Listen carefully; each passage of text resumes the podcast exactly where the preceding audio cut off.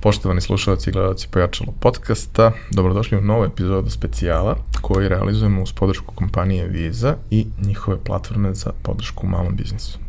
To je jedan vrlo zanimljiv sajt na kome možete da nađete neke interesantne ponude koje za korisnici mogu da iskoriste da unaprede svoj biznis i svoje poslovanje. Ima svega i svačega od nekih kreativnih stvari do nekih mogućnosti za unapređenje elektronske trgovine. U svakom slučaju, link ka tome možete pronaći u opisu našeg podcasta. A ja danas imam jednu uh, veoma zanimljivu temu za vas i sjajne sagovornike. Uh, danas ćemo pričati o tome uh, kako funkcionišu i uh, šta su razne specifičnosti, e, dva velika sistema za dostavu na, na našem tržištu i uopšte kako je izgledala uh, bukvalno revolucija koja se desila u prethodnih godinu dana sa jedne strane uh, biznisa koji su se preorijentisani na dostavu jer je to prosto bila tržišna situacija, onda uh, ljudi koji su se uključili u uh, dostavu uh, hrane i drugih stvari zbog činjenice da su njihovi redovni poslovi trpeli zbog cele korone, ali i e, toga da se veliki broj korisnika prvo prinuđeno nakon toga po sobstvenom izboru okrenuo tome da e, mnogi stvari naručuje e, online kroz razne formate i gde smo suštinski dobili to da nam je e-commerce drastično porastao. Uh, onog trenutka kada su se stvari malo bile stabilizovale, imali smo i neki blagi pad, što je potpuno i očekivano, ali prosto stvari su mnogo bolje nego što su bile. E sad, to je moj ogromni uvod. A moji gosti danas su uh, Đorđe Davidović, generalni direktor Volt Srbija i Branimir Đurović, uh, generalni direktor Glovo Srbija. Dobrodošli. Bolje vas našli. Dobrodošli. Dobar dan Ivane, bolje vas našli, hvala na pozivu. Uh, Hajde da krenemo ovako, krenemo prvo od, od Đorđa. Uh, kada je Volt uopšte došao na, kako je krenulo cela priča sa Voltom, kada je došao na tržište Srbije i šta su bile te neke prve aktivnosti koje moraju da se urade pre nego što uopšte možeš da kažeš da si na nekom tržištu prisutan? Ja, Volt je došao pre tačno dve godine. Ove godine, praktično ovaj mesec nam je godišnica. A, pre dolaska, odnosno ulaska Volta, radi se commercial due diligence i detaljna analiza tržišta, da li ima potencijala ili ne. Mi kad smo ušli na tržište pre dve godine, postao je jedan konkurent koji je bio praktično market leader ili monopolista. A, strategija čitava ulaska jeste bio inicijalno fokus na tier 1 i tier 2 restoranima. Znači nekim restoranima koji do tada nisu dostavljali svoju hranu, gde kuvari, šefovi su doživljavali svoju hranu tako da može jedino da se servira u restoranu i jede kada se posluži gostu.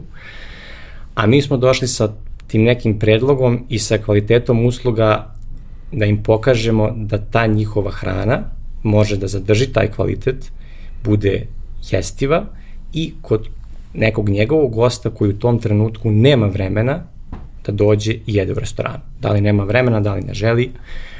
Tako da od, te, od tog aprila a, do recimo nekog decembra, januara politika i strategija je bila isključivo tir 1 i tir 2 restorani.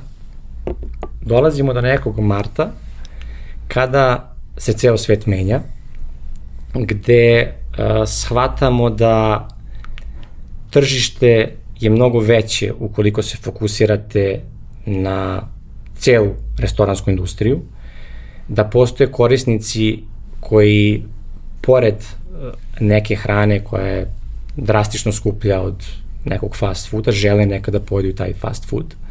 Tako da radimo taj prvi blagi pivoting uh, sa nekim restoranima koji do tada su bili isključivo sarađivali sa konkurentskim platformama. Drugi veliki pivoting se dešava mart, april, maj, kada smo ušli u čitav COVID, gde smo shvatili da kao kompanija koja je jako dobra, ima jako dobre operacije u dostavi hrane, možemo da uradimo shift u dostavi bilo čega. Uh, tokom lockdowna ljudi nisu imali prilike uopšte da kupuju namernice, da kupuju bilo šta, s obzirom da je bio politički čas, a mi kao kompanija koja je uspela da dostavi nešto za pola sata, znači hranu koja je stigla topla, je bez problema napravila taj shift i krenula da dostavlja bilo šta sa idejom koji dan danas da Volt u stvari bude one stop shop i gde se javila ta potreba da neko nešto dobije za pola sata.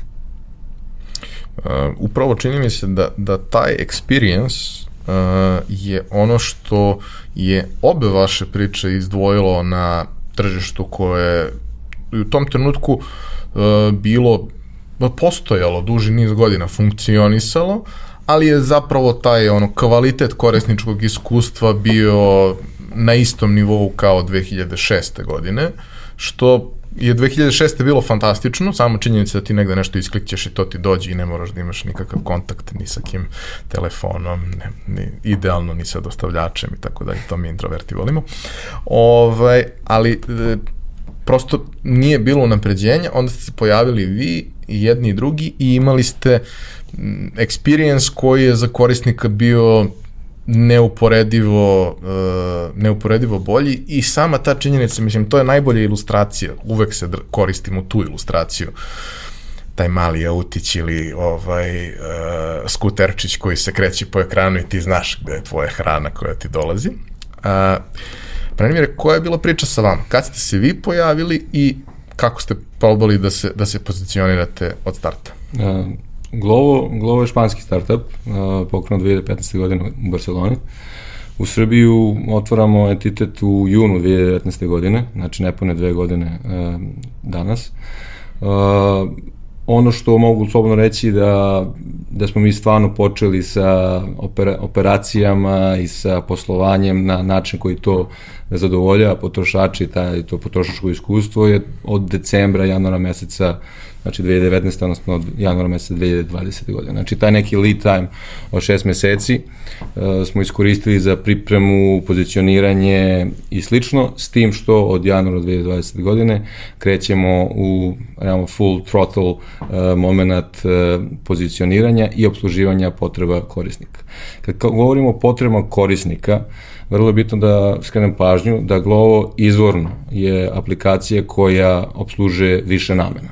Znači ne samo hranu, već sve te različite kategorije koje su jasno definisane i vidljive na homepage aplikacije landing stranici od znači hrane preko namirnica pa preko health and beauty kategorije prodavnica i ono što je definitivno centralno jeste i vezano za našu viziju da Glovo smatra da bilo šta iz grada znači za sugrađenje treba biti dostupno u roku od 30 minuta od trenutka poručivanja tog istog proizvoda. Uh, samim tim, centralna naša kategorija se zove bilo šta. U slobodnom prevodu na srpski uh, to je potrčko, odnosno moment kada korisnik može da nešto što želi iz grada, da li je to uh, da se kupi nešto iz određene knjižare, što nije naše aplikaciji ili sa benzinske pumpe, je, to isto može da se obsluži uh, u tih 30 minuta vremena.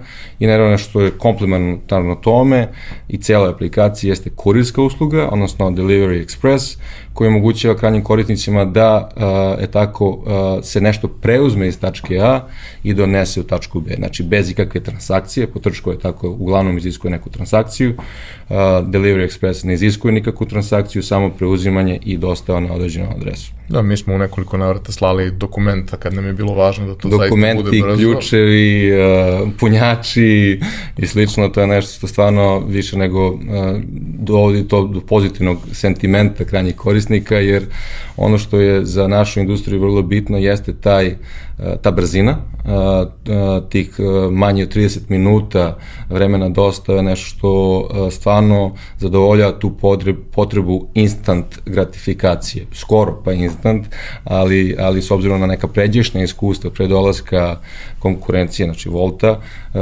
to je nešto što je implementirano u istom trenutku. S tim u vezi, uh, ono što smatramo jeste da je kupac uvek na prvom mestu, samim tim i prirodom aplikacije sa više, više kategorija. E, tako, e, mi smo od samog početka ugovarali saradnje ne samo sa restoranima, što je, da kažem, ključ e, tako uspeha, e, već i sa svim e, različitim maloprodajnim lancima. E, počeši od Merkatora, DM-a, preko Vulkana, Teknomanije, sve u cilju da to korisnično iskustvo ponuda bude odmah vidljiva i da omogući je tako tog tom korisniku da poruči lako to što želi, a naravno onda da i da prati taj motorčić ili autić ili biciklo na, na samoj aplikaciji kako bi bio siguran ili sigurna da će to doći na vreme i da je to sve u kontrole. Znači dajemo neke, neke osjećaje kontrole krajnjem korisniku.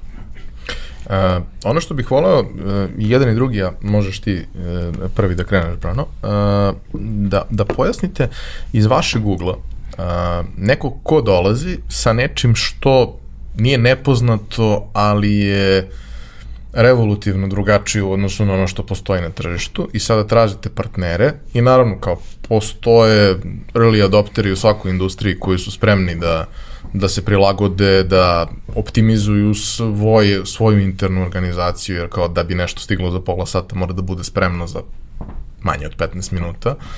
Ovaj, ali naravno postoji i uh, mnogo potencijalnih partnera koji su potrebni i poželjni, koji ne mogu da shvate da je potrebno da se organizuje na neki način. Primjera radi recimo ono što znam da je uvek bio problem sa svima koji su, koji su to koristili, a taj problem je eskalirao drastično tokom situacije sa, sa pandemijom, to je da recimo veliki lanci maloprodajni, uh, ako su i imali mogućnost online kupovine kao iznuđenu opciju, ta mogućnost je vrlo redko funkcionisala kako treba. M nije bilo svih artikala kojih trebaju, M je, ono, da kažemo, taj deo e, selekcije proizvoda koje će dostaviti bio prilično random. Prvo što dođe pod ruku uzme, a to baš kad su sveže stvari u pitanju nije, nije idealno.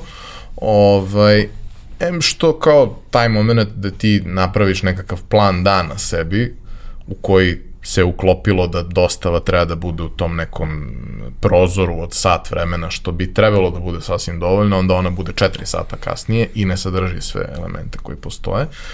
Prosto kao, to je neko, neka tržišna realnost za taj jedan deo priče, za restorane opet prosto mnogi nisu ni bili spremni da ulaze u tako nešto, ako su i bili spremni nisu imali know-how koji je potreban da to urade na pravi način. Um, kako je izgledalo, koji su to bili problemi i kako su te ih rešavali, posebno u trenutku kad ste morali da ih rešavate brzo? Hvala na pitanju. Mislim, to je realnost uh, svakog uh, početka uh, i neke tranzicije, tako, uh, jer od jednog trenutka gde, gde većina tih maloprodnih lanaca očekuje da će neko doći u lokal, kupiti sami, platiti, do trenutka online trgovine i e-commerce od dana za sutra ili od dana na tri dana, dolazimo do trenutka da treba nešto da se dostavi do krajnje korisnika u roku od 60 minuta i manje trenutno 45 u proseku. Šta, to iziskuje određene, je tako, tranzicije u operativnom modelu poslovanja. Ono što je dogovor sa partnerima pod jedan, šta mora se učini jeste setovanje očekivanja i tačno ko će šta da radi u tom, tom procesu. Kad kažem setovanje očekivanja jeste, mi znamo napred da, na primjer, kuriri, dostavljači s kojima sarađujemo, nisu uh, vešti i dovoljno da znaju uh, proizvode naših partnera, da skidaju te iste proizvode sa rafova, uh, kako bi spakovali te poručbine i s jedne strane, znači tu bi kvalitet proizvoda i nedostatka istih trpeo, druge strane isto to bi uticalo na vreme dostaje.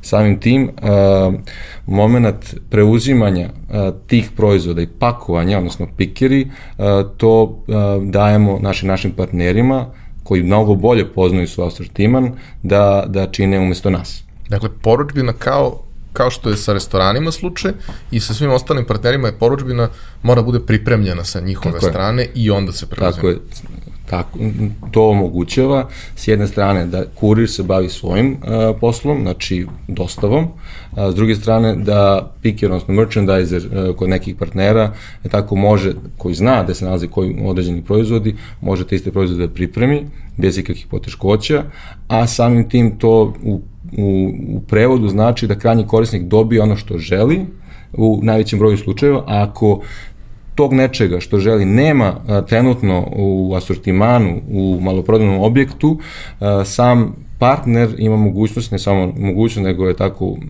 zahtev od strane nas, da pozove krajnje korisnika i da ponudi najbolju alternativu ili da pita da li krajnji korisnik uopšte želi da nastavi sa poručbinom ako tog proizvoda nema. E, to opet to omogućava to setovanje očekivanja e, kako bi krajnji korisnik znao šta dobija, a ne da e, tako dobije poručbinu gde nekolicina stvari nedostaje, jer to taj sentiment dosta je može da da ugrozi, a svima nam je u cilju i partneru i nama da zadovoljimo krajnjeg korisnika i da imamo taj pozitivni sentiment poručivanja putem glova. Kakva je situacija sa, sa vama u Voltu? E, mogu da kažem da su se naši partneri jako brzo prilagodili tome. Obuka je bila krucijalna, jer to je neka novina. Vi ste imali neko ko uđe sa ulice, kupi, sam izabere, dođe na kasu, plati, e sad treba da se desi da samo uđe partner dostavljač Volta i treba da pokupi to što je spremno. Upravo što je Brana već spomenuo, razlog tome je efikasnost. Ulazak, biranje nije bilo uopšte opcija za Volt ne, od samog starta, niti je sada, jer a, ako pratimo trendove, čak i 60 minuta više nije dovoljno. Imamo neke start-upove koji, neki gorilac koji podiže desetine miliona a, investicija i ulazi u dostavu namernica za 10 minuta. Grade se hubovi po velikim gradovima gde se garantuje nekom za flat fee da će on dobiti to za 10 minuta. Tako da a, ponuda koja je bila pre nego što, što su naše dve kompanije došle, za koje verujem da su jedni od glavnih disruptora u prethodne dve godine, je bilo da vi treba da naručite u najboljem slučaju dan za dan i da treba da sedite kod kuće 4 sata i da će vam to stići od 2 do 6. Doći će nekad. Doći će nekad, Možda. tako Doći će nekad, šta će doći pitanje. Ljudi sad žele da, aha, fali mi nešto, da li mi fali da već sam krenuo da pripremam pa mi treba top up nečega ili ne želim da idem, čekam u redu, palim auto, vozim, parkiram, želim samo da uradim tri klika i da to dođe kod mene. Da bi se to postiglo, bila je potrebna obuka, razumevanje potencijalnog partnera, objašnjavanje kako će funkcionisati i na kraju prihvatanje. Tako da a, uvek zavisi naravno od broja artikala, ali naše iskustvo je čak da su te dostave brže nego dostave iz restorana. Jer vi restoransku hranu mora da spremite. Nama je prep time, zavisnosti od vrste jela. Ne, za nešto treba 5 minuta, za nešto treba 17. Vi ako imate ljude koji ste dobro obučili i objasni šta treba da rade, oni mogu da spakuju za 3 minuta. A aplikacija je takva, Volt, da ona može da locira i partner dostavljač može da bude tu za 3 minuta, tako da ta dostava može da bude čak i ispod pola sata. Da, ja sam imao lično iskustvo sa obe vaše aplikacije, da su mi neke dostave, za koje to posebno nisam očekivao jer, jer je u pitanju hrana, do duše suštinski hrana koja se relativno lako i brzo sprema. U oba slučaja su to bile dostave koje su bile ispod 20 minuta u sred vikenda, vremena ručka, kad prosto takve stvari ne očekivaš i spreman si na neko dodatno čekanje, jer kao ručak je svima, pa nije, nije samo meni. A, Đorđe, takođe, a, jedna stvar, dakle, ja sam to pomenuo u, u uvodu u, u priču, a to je da a, manje više jedna i druga priča su ozbiljno krenule u ekspanziju onog trenutka kad se desila korona, što, što zbog toga što to planski prosto tad trebalo da se desi, što zbog toga što su se desile okolnosti u kojima je to postalo uh, možda ne jedina, ali za mnoge jedina dovoljno dobra opcija da, da, da naruči. Sad, naravno, sa jedne strane, problem ovakvih biznisa, problem, što sam recimo, otići ću u, di, u digresiju, ljudi mnogo vole moje digresije u, u ovom podcastu, ali dobro. A, problem kad praviš recimo igru koja treba da bude masovno igrana, koja treba da bude zanimljiva ljudima koji se uključuju je što moraš da napraviš e, dovoljno zanimljivog sadržaja, ok, sve to, ali moraš i da privučeš ljude da bi mogao da privučeš ljude, što je jako veliki problem. Dakle, ono, ne možeš da napraviš nešto i da očekuješ da će ljudi doći, a ako je masovna igra, nema tu nikog, oni su došli, nema ničega, stvar ne funkcioniše. Ovde isto postoji, postoje najmanje dve strane, a u suštini postoje tri strane u celom sistemu. Sa jedne strane imamo partnere, restorane, maloprodajne objekte i tako dalje. Sa druge strane imamo korisnike koji to treba da, da, da naručuju, ali isto tako neko to mora da servisira, neko mora da servisira te poručbe. Ja se sećam na, na, na primjeru um, jednog od mojih biznisa, moje pijace koje je tokom uh, pandemije eksplodiralo sa, sa količinom prometa i hvala Bogu dobar deo tih uh, korisnika je ostao i dan danas tu jer su oduševljeni bili kvalitetom i uslugom i tako dalje. Sve je to super. Ali kad ti treba da skaliraš sebe puta pet u roku od sedam dana, to je nemoguće. Ništa nije nemoguće ali izuzetno teško, naročito ako te situacija challenge-uje tako da svake nedelje sebe treba da skaliraš puta x koliki god taj, taj x bio. Što, što si veći, x je sve manji, ali i da nije ni dalje ovaj zadatak jednostavan. A, kako je u vašem slučaju to izgledalo? Prosto, ono, a, vi lagano rastete, tržišna situacija je dobra, reakcije su super, ljudi mnogo vole kad imaju dobar experience u oba slučaja, naravno da će reakcije biti, biti dobre, bilo je sigurno i nekog fine tuninga i tako dalje, ali kao idu stvari normalno i onda se desi nešto što promeni sve. Da krenemo prvo od partnera restorana. Generalno model dostave je zamišljen da bude add-on restoran. Znači da od nekih 10 do 30% prometa ide na delivery.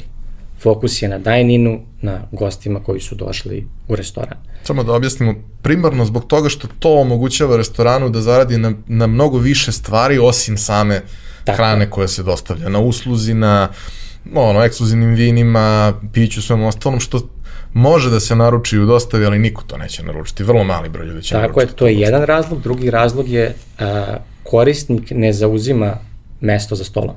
Taj sto je slobodan. Znači, vi uh, pod znacima navoda opterećujete malo više kuhinju, jer ta hrana mora da se spremi, ali svoj staf, sto, stolicu, ona ostaje slobodna za gost. Sav ostali deo servisa koji tu Tako postoji. Je. Jednostavno ne postoji. Vi pripremite hranu, date nekom, ta hrana ide. Većina naših partnera, dok nije počeo COVID, nije imala potrebu da zapošlja dodatni stav zbog dostave volta. Znači, oni su uspjeli da uh, utilizuju svoju kuhinju još više, ali sa istim brojem stafa koji je postojao i pre neke razvijene dostave. Sa covidom i pandemijom uh, dine-in se smanjio, a dostava se povećala. Tako da iz njihovog ugla takođe nije bilo potrebe da povećavaju svoje troškove, ne bili uspeli da servisiraju dostavu. A s druge strane imamo korisnika koji to pre dve godine kad naruči hranu ne zna gde mu je hrana i zadovoljan je kad dobije primjera radi svoje ćevape za sat i 15 minuta. Oni su stigli, super, jestivi, nisu jestivi, sad to je diskutabilno. I oni su dobili priliku da probaju nešto, da mogu da naruče, da prate dostavljača, da dobiju tu hranu drastično brže i da ih sve to košta dosta manje nego što je stvarna vrednost toga. Jednostavno, tržište ne samo u Srbiji, u određenim zemljama je tako da je cena dostave dosta subvencionisana, slobodno mogu da kažem. Ako vi poručite hranu i živite vazdušnom linijom od neki kilometar, kilometar i po i ta hrana vam stigne za 25 minuta i vi to platite 100 dinara. Ne treba biti matematičar ekonomista da se shvati da to ne košta 100 dinara. Da jednostavno a, vi za 100 dinara dobijate uslugu koja mno, mnogo više vredi. I ono na što smo mi posebno ponosni u Voltu i, i Volt Wide u drugim zemljama, pogotovo u Srbiji, je taj retention. Znači korisnik koji jedan put poruči da nastavlja da poručuje na Voltu. Jer sa hranom vam je onako pipljivo je. Jednostavno vi kad niko ne naručuje hranu, mislim niko, 5% ljudi može da razmišlja unapred, bit ću gladan u 1 sat, hajde naručim sad u 11 da napravim neki pre-order. Uglavnom, placeujete order kada ste gladni. Kada ste gladni, malo ste nervozni. Ljudi su uglavnom gladni u isto vreme. Tako je. I vi želite da idete odmah, kako je to restoran, poručili ste, želite da hrana bude odmah. Tako da, greške koje se dešavaju ako vam stigne pogrešna hrana ili dostavljač vam kasni, to je primjenljivo i na druge industrije. Primjer radi frizer, četiri puta vas ošiša kako treba, peti put kako ne treba, peti put, šesti put nećete otići kod njega, nego ćete naći drugog frizera. A taj retention rate nam govori upravo to da kvalitet usluge je uvek nezavisno od dela dana na tom visokom nivou. Da neko kad naruči, da dobije to što naruči i da dobije u vremenskom roku koji njemu odgovara. Ali kako je bilo zapravo skalirati celu stvar? Prvi izazov je bio kada su donesene neke mere, mogu slobodno kažem, preko noći. Gde imate zabranu kretanja, ne zna se ni ko sme, ni ko ne sme da se kreće, potrebne su neke dozvole, sami restorani ne znaju da li će ostati otvoreni, da li neće ostati otvoreni.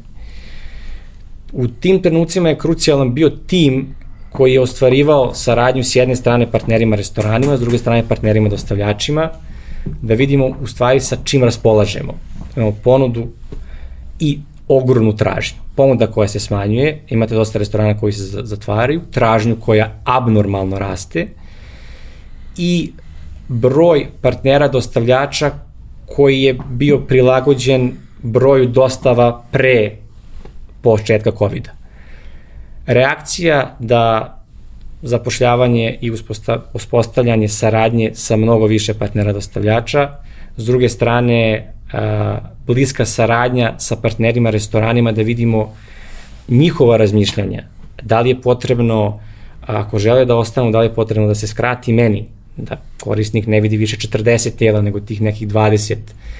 Jer u tim trenucima mislim da smo stvarno a, jako pomogli partnerima restoranima. Oni su bili zatvoreni. Vi imate zaposlene ljude, imate namirnice, ceo biznis i vi, vi ne možete da radite, dok imate partnera koji kaže ok, nema problema, dozvoljene su dostave, zadržavate ljude i hranu pokušat ćemo da nadomestimo to što ne možemo mi 100% volumena koji neko pojede u restoranu da se premesti od kuće, ali vi imate dosta ljudi koji, ok, ne mogu da idem u restoran, naručit ću tu hranu.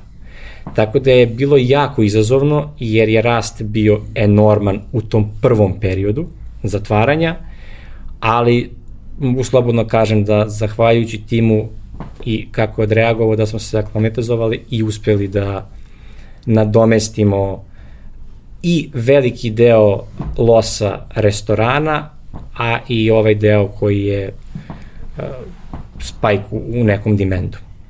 Kako je bilo kod vas? Ja bih počeo prvo sa šta je Glovo. Volt, pretpostavljam slično, ali znam za Glovo. prvo, mi smo digitalna platforma. E, platforma koja povezuje tako sugrađane sa ponudom grada koja može biti ugostiteljski objekti, znači restorani, kafići, barovi i sa maloprodanim objektima kao što su je tako knjižare, supermarketi, apoteke, s jedne strane, znači sugrađani, partneri i s druge strane imamo takođe partnere koji se bave kurirskom uslugom, odnosno delatnošću tako, dostave. Mi povezujemo, mi smo posrednici uh, i suštinski je tako, mi omogućavamo sugrađanima da dobiju što veći sadržaj, da bilo koju svoju potrebu u datom trenutku mogu da, da ispune. S druge strane, partnerima, ugostiteljima i maloprodanim lancima nudimo inkrementalnu uh, prodaju. Znači, kad kažemo inkrementalno, nešto što se ne bi realizovalo u maloprodajnom objektu, odnosno u restoranu. Zbog čega je to vrlo bitno? Neko ko pokrene, sugrađanin, tako, koji pokrene aplikaciju, intencija poručivanja tog nečega je više nego izražen. To nije tipičan e-commerce koji e, takođe ima neki, neki moment researcha, browsinga i slično. Ovde je intencija, gladan sam, treba mi to. Hoću da napravim ručak, treba mi e, neki začin ili namirnica. E, ne osjećam se dobro, treba mi, e, treba mi ovaj, neko ako medicinsko pomagalo. ovaj, u suštini, vrlo je bitno je tako i zasniva se industrija na inkrementalnosti. Uh, s treće strane, tako, uh, kurirske firme koje se bave dostavom, oni je tako omogućavaju da, da posre, po, našim posredstvom i alatkama koje dobijaju da optimizujemo rute, da, da vreme dostave bude to manje od 30 minuta, dobijaju taj neki know-how da se bave tim poslom što efikasnije i produktivne, produktivnije moguće i naravno njima raste tražnje za njihovim uslugama. E sad, COVID. Uh, COVID jeste bukvalno, bukvalno akcelerator, e, e, katalizator naše tražnje. Nama mart, april mesec prošle godine nije imao abnormalnu tražnju. Ono što smo mi videli kao fenomen jeste porast tražnje vezano za namirnice, iz, izuzetan porast vezano za namirnice, zato što ljudi su bili tako skeptični u strahu vezano za ceo koncept dostave, ko to priprema hranu, na koji način priprema hranu, kako se dostavlja.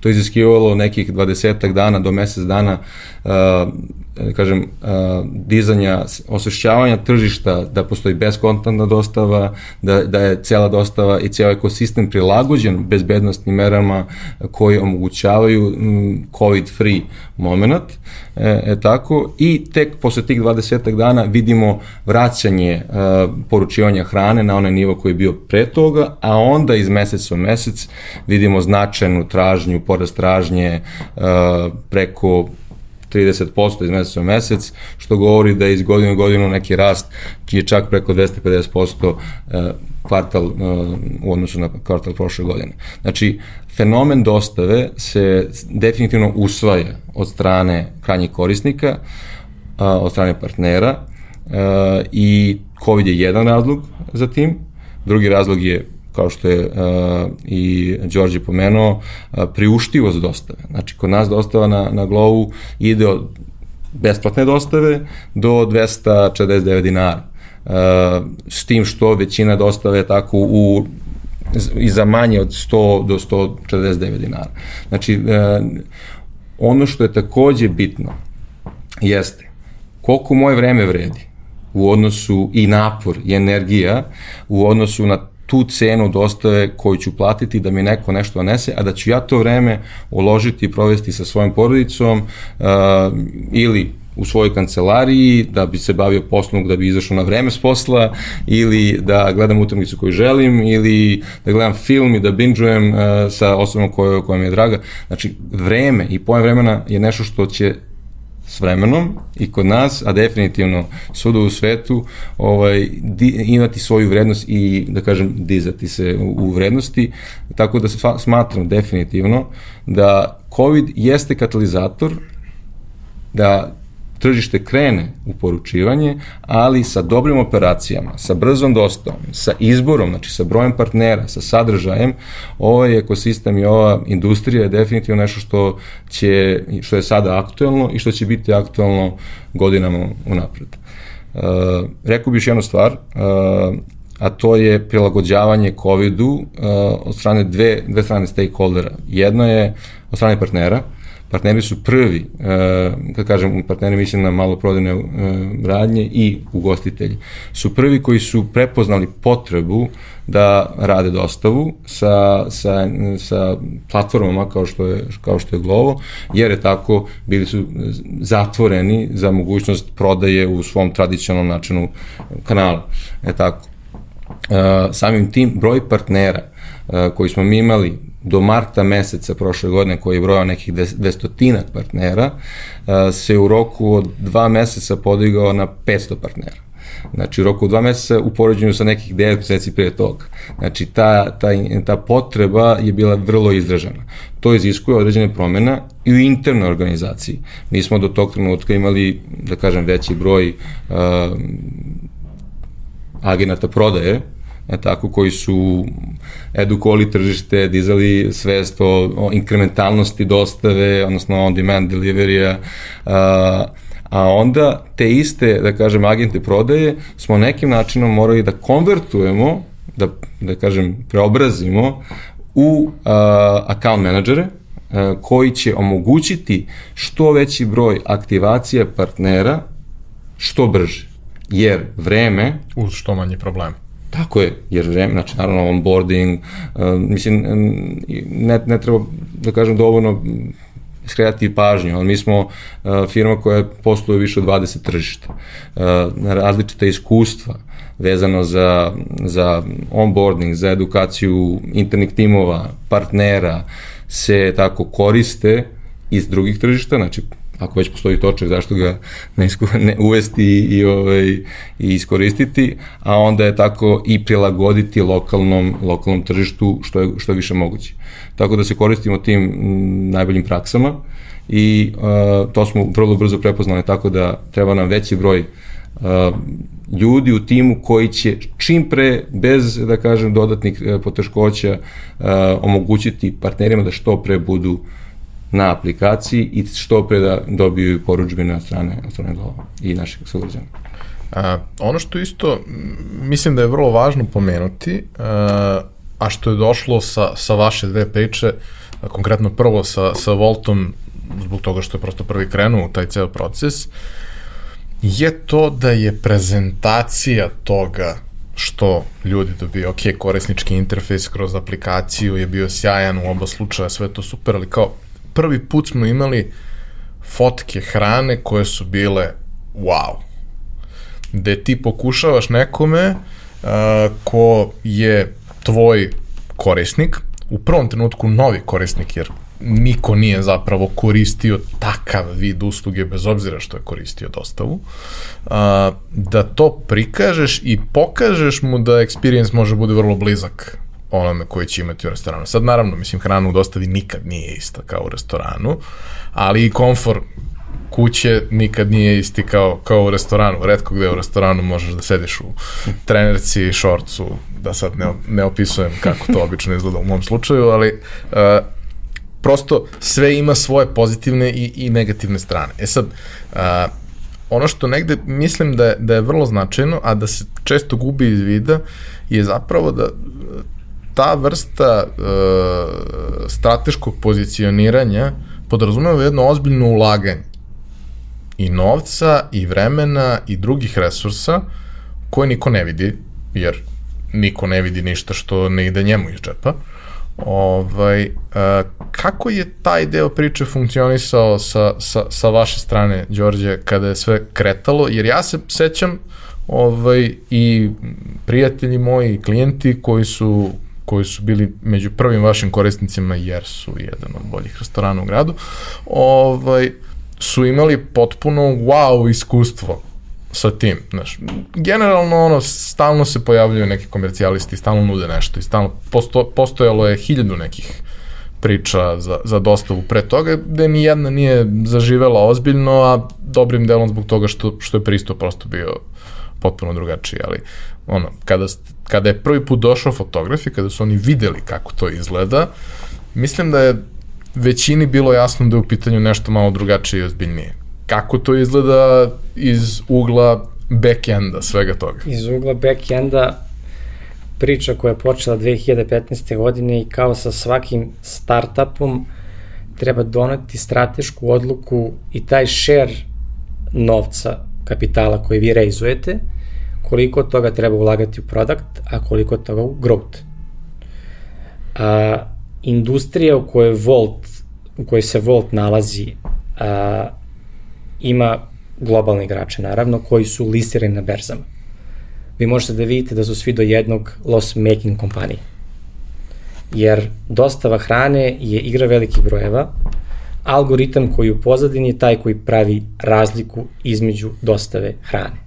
Jer vi kad poručite nešto što ne može da se ohladi, svejedno je 4 minuta gore dole 40 minuta, kod hrane nije svejedno.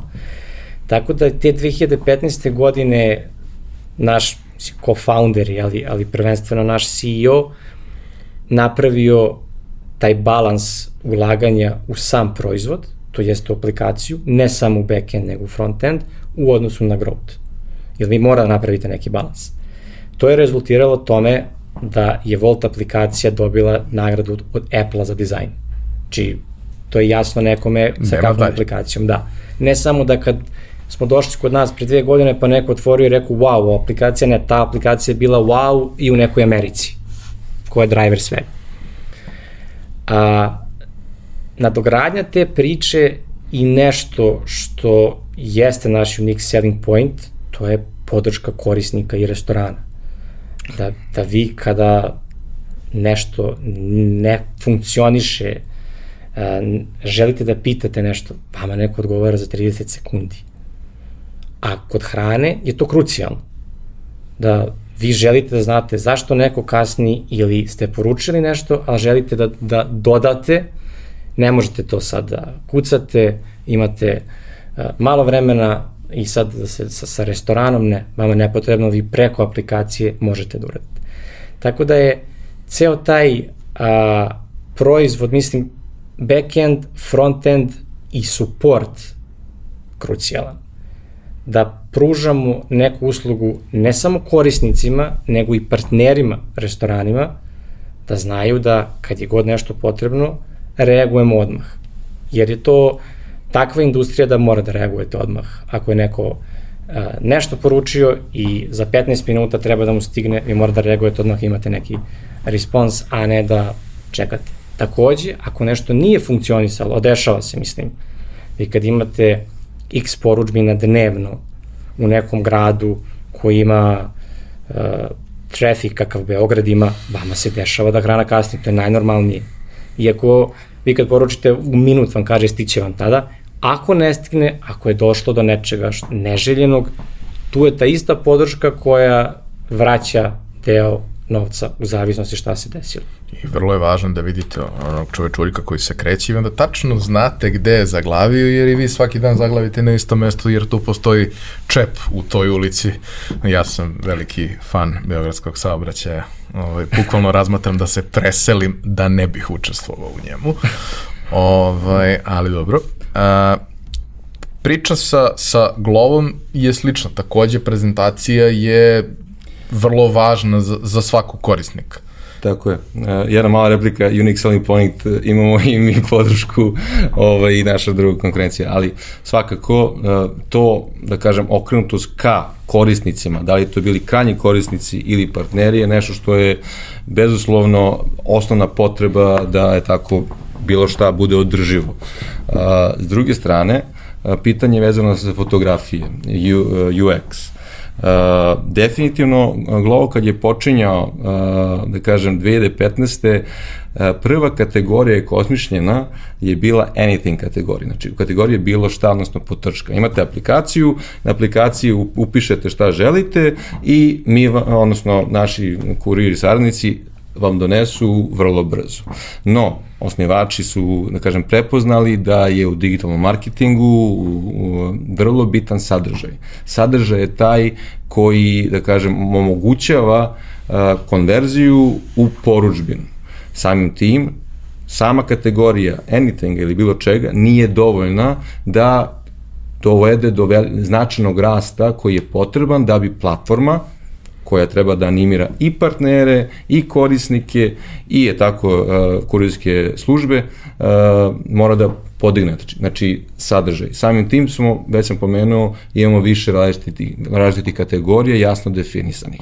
To je bio prvi sledeći korak. Postoji taj jedan moment da kao korisniku kad kažeš može da uradi bilo šta, on ipak voli da mu ti sugerišeš ne, koje to je, su to, opcije. To, to, tako je, tako je to, i to je bilo, da kažem, otkrovenje posle šest meseci od osnivanja a, i, da kažem, pokretanja aplikacije, kaže, ok, ovo nije dovoljno zato što bilo šta ne znači ništa. Ajde ti meni daj malo sugestivno šta, šta, šta može. Samim tim, ovaj, ono što, što je podignute su te kategorije i moram priznati uh, Glovo do skoro nije uh, davao ili ulagao dovoljno uh, resursa u fotografije, nešto što konkurencija jeste. I ono što je istina jeste da smo mi primetili da svako tržište tako ima svoj režim rada i poslovanja i afiniteta. I samim tim smo od pre nekih godina dana i mi počeli da je tako pozicioniramo fotografije i da ponudimo taj taj moment e, vidljivosti šta je to što korisnik poručuje kako bi je tako setili očekinja šta će otprilike doći uh, do vrata istog.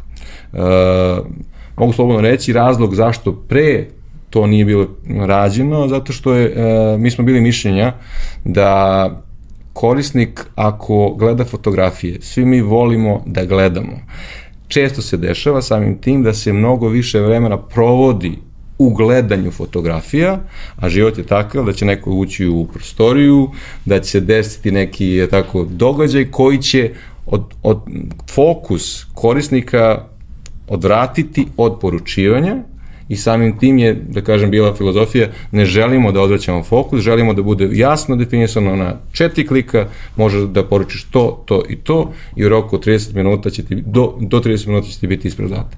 No, kažem, svako tržište i kažem i generacije traže određene promene e, i drago mi je što, što je Glovo taj koji isto sluša i da kažem prilagođava svoje poslovanje onome što, što se traži. Taj korisnik kome nešto odvrati pažnju u trenutku kad je gladan, nije gladan. ovaj, e, ono što bih voleo e, da kažem u ovom drugom delu razgovora, pošto se približavamo negde zaključku, e, je da, pošto su obe priče e, da kažemo, evropski startup i Glovo je španska firma, Volt je finska firma, koja posluju na više različitih tržišta, ali ne samo što posluju na više različitih tržišta, posluju u, u više različitih ekonomskih okolnosti, više različitih e, nivoa životnog standarda, a, a sam, to je samo jedan od kriterijuma po kojima se tržišta razlikuju. Volio bih a, da, da mi date obojica, prvo Đorđe, a, nek neki, neki, neki vaš uh, osjećaj danas uh, kada konačno možete da kažete da razumete ovo tržište, uh, kakvo je ono zapravo, odnosno prvo kakva su bila očekivanja od ovog tržišta, a onda kakvo je ono zapravo u odnosu na to kako stvari izgledaju na nekim, na nekim drugim. To bih volao da čujemo do bojice, ali ajde da krenemo od, od, od Đorđa. Srbija i sve zemlje koje su, kažem, developing countries imaju problem sa tim da je jedenje u restoranu luksuz, naručivanje restoranske hrane je dupli luksuz. I to je nešto što se prepoznalo, jer e, shodno plati toliko imate da priuštite sebi toga i toga. Izazov je mnogo veći, jer vi kad imate neku razvijenu zemlju, primjera radi, evo sad Japan i Nemačka, jer Volt je, to su zadnje dve zemlje gde smo ušli, pored toga da nismo izašli ni s jednog tržišta, da, da smo pokušali, to govori da je dobar CDD određen, gde ima potencijali, gde nema. Uh, challenge jeste veliki, tu se vraćamo na onu priču o trošku dostave, gde vi jednostavno ste prinuđeni da tu uslugu naplaćujete manje nego što ona vredi. Korisniku je dosta jedan put da shvati šta mu to donosi, a verovatno frekvencija naručivanja neće biti kao što je u zemljama gde će neko na dnevnom nivou da poručuje delivery ima hranu, ali uvek kada mu treba nešto dostaviti, važno je da je u njegovoj glavi da Volt to može da dostavi u razumnom vremenu u nekom, za, za neke novce koji, kažem, su, su daleko, daleko iznad toga koliko bi koštalo da taj neko ode, kupite namirnice ili ušteda vremena koja opet u, u novcu nije, nije merljiva. Navika je tu da ostane i kad prođe ovaj COVID, jer su ljudi shvatili šta im ovo donosi, a, u Srbiji je bila jako mala baza Znači, skokovi su uh, i rast je ogroman generalno i komerca dostave hrane, jer je baza bila jako niska. Ljudi jednostavno nisu bili edukovani i nisu videli potencijal i, i šta u stvari znači. Tako da, a, naravno da, da sutra kada svet bude, kada ova pošast prođe i kad budete mogli normalno da se krećete, idete u radnju, ova navika će ostati, jer x ljudi i dalje neće želati da izgubi dva sata kolica u marketu čekajući red, nego će to uspeti sve za pola sata da dobije kući. Da, upravo taj, taj moment gde kao svi kada razmišljamo o tome, navika je prosto da gledaš koliko te košta to što naručuješ, koliko te košta dostave i sve ostalo, kao a, šta ima sa besplatnom dostavom, šta, je kao, samo, samo probaj da razmišljaš iz ugla, a jel bi ti išao po to za, za taj novac? Kao ja ne bih išao za 250 dinara preko pola grada po nešto, jednostavno ne bih, ono, ok, možda, uh, da to jeste jedna od stvari koju, koju smo i u razgovoru koji je prethodio, da kažemo, samom snimanju, kao možda mi svi živimo malo u bablu, sigurno živimo svi u bablu, mi ne živimo života kakve žive prosečan, prosečan čovjek na ovom tržištu, ali ljudi koji žive u bablu ima sasvim dovoljno da određeni biznisi mogu da funkcionišu sa njima kao osnovnom bazom korisnika. Ne i jedinom, jer ako treba rast vremenom um, zasitiš tu količinu korisnika, ali prosto to jeste neka, neka baza ljudi koji uh, mogu sebi da priušte često da naručuju dosta. Mislim, iskreno, ja je naručujem bukvalno svaki dan. Posebno sad kako sam na, na, na ovo ishranik da suštinski jedem jednom dnevno, znači meni je najjednostavnije da to uradim tako. Jednom, dva put nedeljno ću možda, ako su restorani otvoreni, da siđem, jer eto, sedi mi se, malo ću promenim gde sedim, hoću malo da se iskuliram, ventiliram malo glavu, sve ostalo, ali u većini drugih okolnosti najjednostavnije mi je da isklikćem, to dođe, ja preuzmem i nastavim da, da šljakam to što šljakam sa, sa minimalno ovaj, izlaska iz, iz te neke fokus zone u, u, u kojoj sam. A, kakva je priča sa ovaj, očekivanjima španske kompanije? Pa, m, slično, naravno, jer smo startupi. Mislim, ono što treba reći, većini startupa, a, da kažem, holy grail je rast. A, a rast u Srbiji a, se generiše kroz ulaganje a, u pogodnosti, što je tako nije samo osvešćivanje tržišta za beneficije i pogodnosti i saradnje sa Glovom, ako ste partner, već i za kranje korisnika je, je tako treba biti priuštivost same dostave.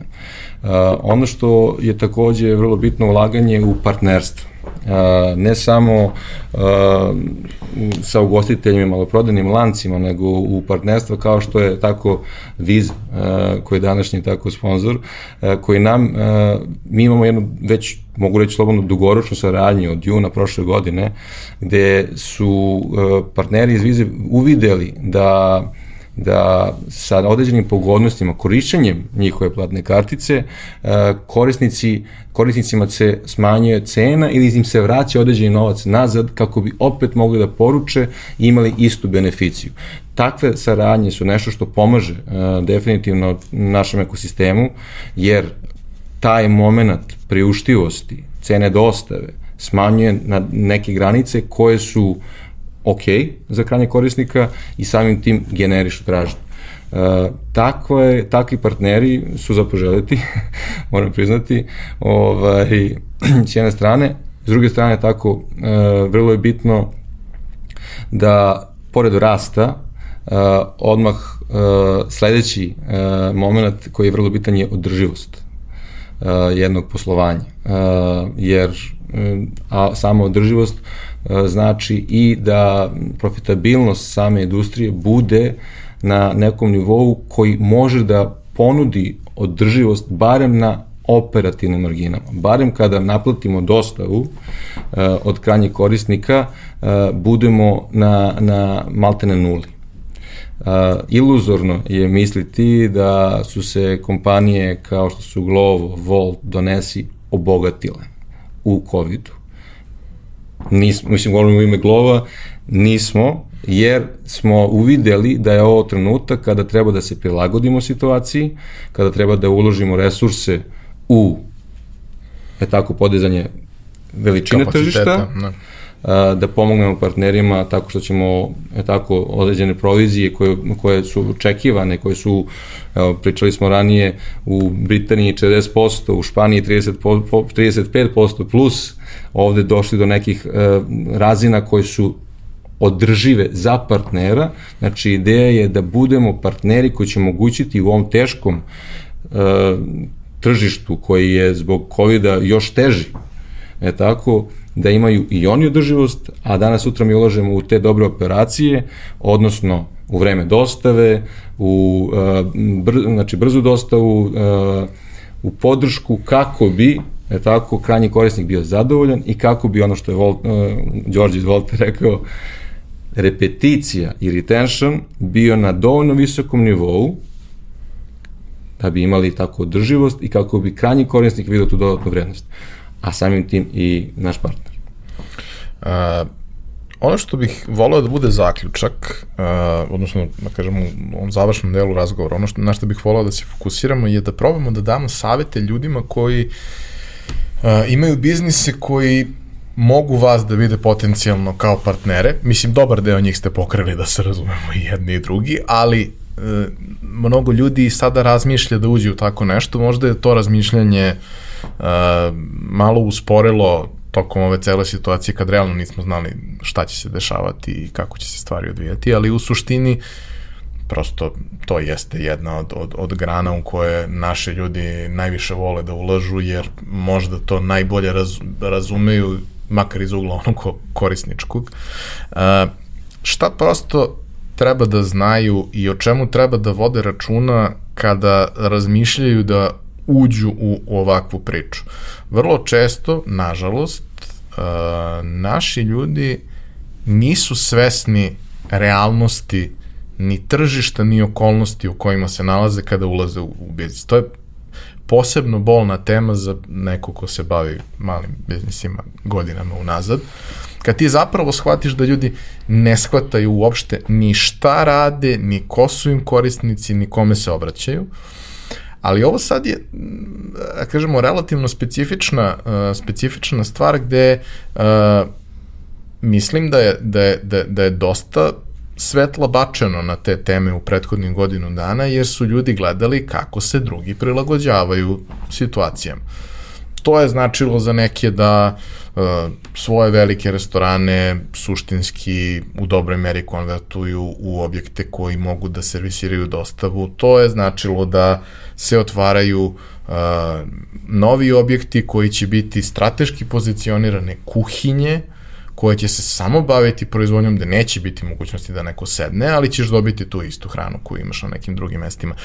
Mnogo takvih stvari se desilo, to jeste nešto što ko prati i istražuje razvijena tržišta zna da postoji trend i pre korone i svega, ali naravno da je korona to sve ubrzala. E sad, bilo u kom slučaju, bilo da ljudi razmišljaju da uđu uh, u pravljenje nekog dark kitchena, shadow kitchena u kome će praviti uh, hranu i koji će biti primarno okrenut kad ostavi ili razmišljaju da otvore objekat. Šta su neke stvari o kojima treba da vode računa, koje treba da imaju u vidu da bi ta saradnja sa sistemima za, za dostavu mogla da funkcioniše na način da su obe strane zadovoljne. Obrano, kreni, kreni ti. Pa ono što rekao tokom izlaganja i razgovora jeste setovanje očekivanja na, na, prv, na, na prvom mestu, jer je tako, definicija kvaliteta je ispunjavanje ili nadmešivanje tih očekivanja. Samim tim, u zavisnosti od industrije u kojoj su partneri ili prospekti koji razmatraju opciju je tako e-commerce-a ili omni channela kao što je tako Glovo i naše slične platforme nude, uh, jeste da se uh, na, na prvom mestu prikaže šta je to što će dobiti. Ono što dobijaju jeste korisničku bazu. Glovo u Srbiji već broji preko 400.000 preuzetih aplikacija. E, samim tim, oni kao u shopping centru su ti koji svoju ponudu treba da izlože i da na osnovu svoje ponude očekuju kupovinu, u zavisnosti koliko je konkurentna ili ne, ili različita za početak. To je, to je jedna stvar i jedna polazna tačka. jasno je da u zavisnosti od same konkurentnosti ponude će imati tako konverziju i nove poručbine. Ne, ne smatram da treba očekivati da će Glovo zameniti ili bilo ko od nas zameniti tradicionalni kanal jer Srbija, ali ne samo Srbija, nego sudu u svetu i tradicionalni kanal, retail prodaja će se zadržati i treba da postoji i uvek će postojati ono što smo mi tu i ne treba da menjamo tu paradigmu da menjamo retail, ni slučajno, mi smo tu da budemo ta inkrementalna prodaja. Inkrementalna prodaja uh, možda trenutno uh, čini 50-60 plus posto ukupne prodaje zbog okolnosti, ali sutra kada se završi ova pošast jeste cilj da donosi nekih 10 do 30% ukupne prodaje. Jer onda naša cela uh, filozofija, uh, smisao industrije ima smisla i načina koji pozicioniramo dodatnu vrednost. U suprotnom, ako smo mi ti jedini koji koriste fiksne troškove zakupa, ljudstva, to onda nije više ista priča. Zato nam je, ja sam, evo, u ime Glova, više nego rad da, da, se, da se ceo COVID situacija reši čim pre, jer to će značiti da će naši partneri imati nazad svoju, je tako, izvornu trgovinu, što je odlična, zdrava, polazna tačka, a da ćemo mi sa dobrim, je tako, partnerskim odnosima, sa dobrim, dobrom ponudom, konkurentnom ponudom moći da održimo ono što smo već na, počeli, a to je taj moment dostave kao dodatne e, dodatne kanale. Đorđe? Kratko samo. Mislim da je najkrucijalnije što potencijalni partneri možda ne znaju da je početak saradnje, konkretno sa nama, zahteva nula investicije s njihove strane.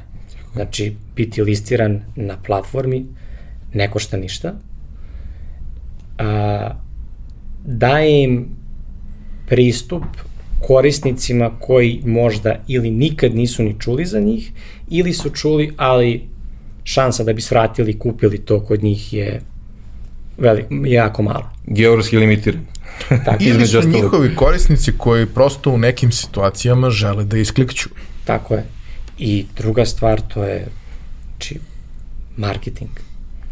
Marketing sa naše strane i više desetina hiljada korisnika koji otvori Volt aplikaciju na dnevnom nivou vidi tog partnera, vidi njegove proizvode i to tog partnera ne košta ništa.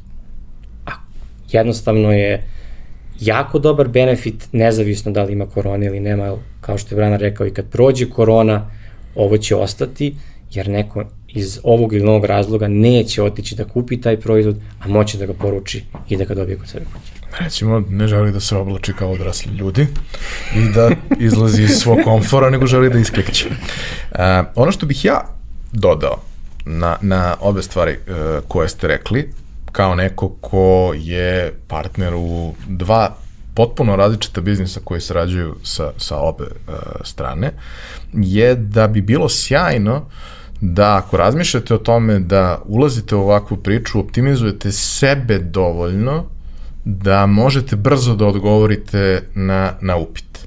Jer ideja jeste da sa vaše strane, bilo da je u pitanju priprema hrane ili pakovanje namirnice ili nečega sličnog, to zaista bude urađeno za 15 minuta i manje. Da bi bilo urađeno, neko mora odmah da vidi kada ta poruka, odnosno upit, stigne i da bude spreman da to uradi, da prosto te stvari budu pripremljene ili ta hrana bude optimizovana da se ne priprema 60 minuta. To ulazi u onaj deo setovanja očekivanja. Slažem se, ali prosto e, verujem da dosta često ljudi nisu, nisu svesni e, tog. Uh, druga stvar o kojoj svakako treba razmišljati, uh, to je da uh, ovi sistemi žive od naplate svoje usluge krajnjem kupcu i provizije koja se dogovara sa partnerima. I da ta provizija jeste značajna i dalje je iskreno neuporedivo jeftinija nego da imaš radnu snagu koja će da radi dostavu i sve ostalo, ali jeste značajna i treba da se uzme u obzir. Ljudi konstantno se vode time da Uh, ne znam, uh, ja ću sad da formiram cene na osnovu čega, to, to je jedna od, od tema inače kojima se stalno bavimo i u kojima stalno pričamo, kao kako formirati cenu proizvoda. I kao, ljudi formiraju koliko ih košta, dodaju nešto malo na to i ko pa eto tako, pa ko, ko ne, funkci, ne funkcioniše svet tako. Ti u tome moraš da uračunaš sve ono ostalo što ti je potrebno. Sad, kada imaš proizvođača bilo čega koji radi sa velikim lancima, nije mogao da radi sa velikim lancima, da nije naučio to u procesu. Prosto prirodno nije mogao da radi.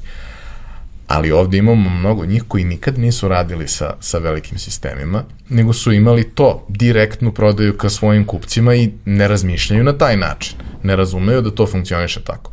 Onda isto stvar koja, koja mislim da je vrlo važna, to je da uh, koliko je to moguće budete svesni, a ako niste svesni, slušate feedback koji dobijete od platformi, a, koji se tiče toga a, kakav ste vi partner u smislu najbanalnije vrednosti prosečne poručbine.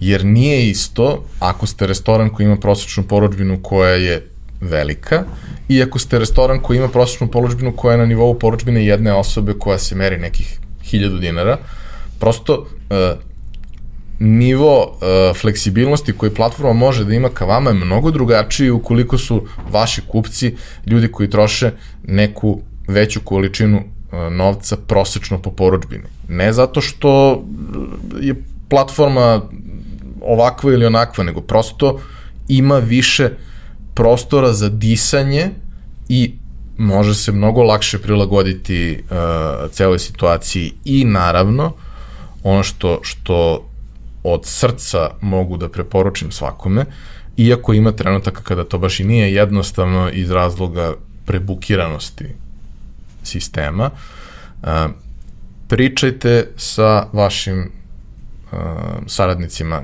iz sistema, dakle pričajte sa, sa prodavcima sa kojima ste skup, stupili u kontakt. Oni će vam dati najbolje savete, jer ako neko razume to tržište i vidi ga uh, jako dobro vide ga. Oni, pričajte sa njima na koji način možete sebe dodatno da istaknete, da li postoje neke akcije u kojima možete da učestvujete, da li postoji neka opcija gde prosto uh, svako treba da izmenadžuje svoje očekivanja vezano za to naravno, ali da vidite ako vam je jedini problem obim, a najčešće kao problem se vidi obim i iskorišćenost, ok, šta može da se uradi po tom pitanju? Možete da razmišljate o tome, beskonačno, a možete i da pitate. I najgore što može da se desi je da ne dobijete odgovor koji će da vam pomogne, ali vrlo često ćete zapravo dobiti jako vredan odgovor sa kojim ćete onda moći da možda svoj biznis, uh, svojim biznisom upravljate na jedan uh, bolji i pametniji način, jer uh, najlepša stvar koja dolazi iz velike količine podataka je što od podataka može da se uči. Znači, podacima mogu da se uvide pravilnosti i vrlo verovatno, ne sigurno, postoje razne situacije, ali vrlo verovatno u tim podacima postoji nešto što vi možete da iskoristite u vašu korist. Je li ima još nešto da sam zaboravio? Hvala Ivane, što bi rekli spot on i odlična elaboracija. pa dosta je lakše, mislim, to ljudi često ne kapiraju, ali kao jedan od razloga zašto sam ja uh, odlučio da uh, uđem u uh, moju pijacu i u Burgos je, osim što ja to sve volim i meni je to interesantno, imam partnere koji su sjajni, uh, hteo sam da razumem. Ne možeš da razumeš s polja.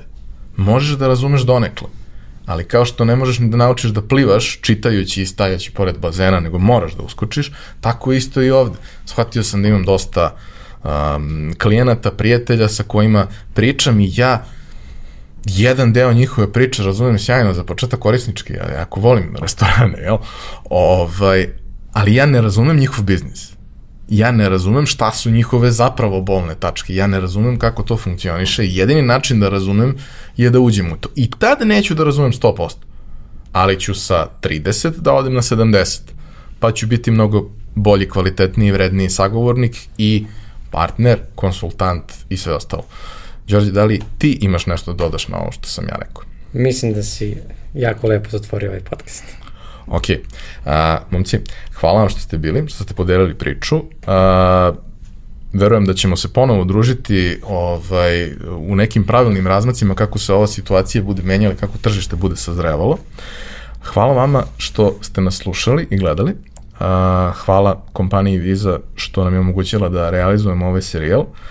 Njihova platforma za podršku malom biznisu se nalazi na linku u opisu ovog podcasta, a tamo možete da nađete neke vrlo zanimljive ponude, akcije i neke vrlo zanimljive stvari koje prosto žele da, da, da razglase i prikažu što većem broju korisnika.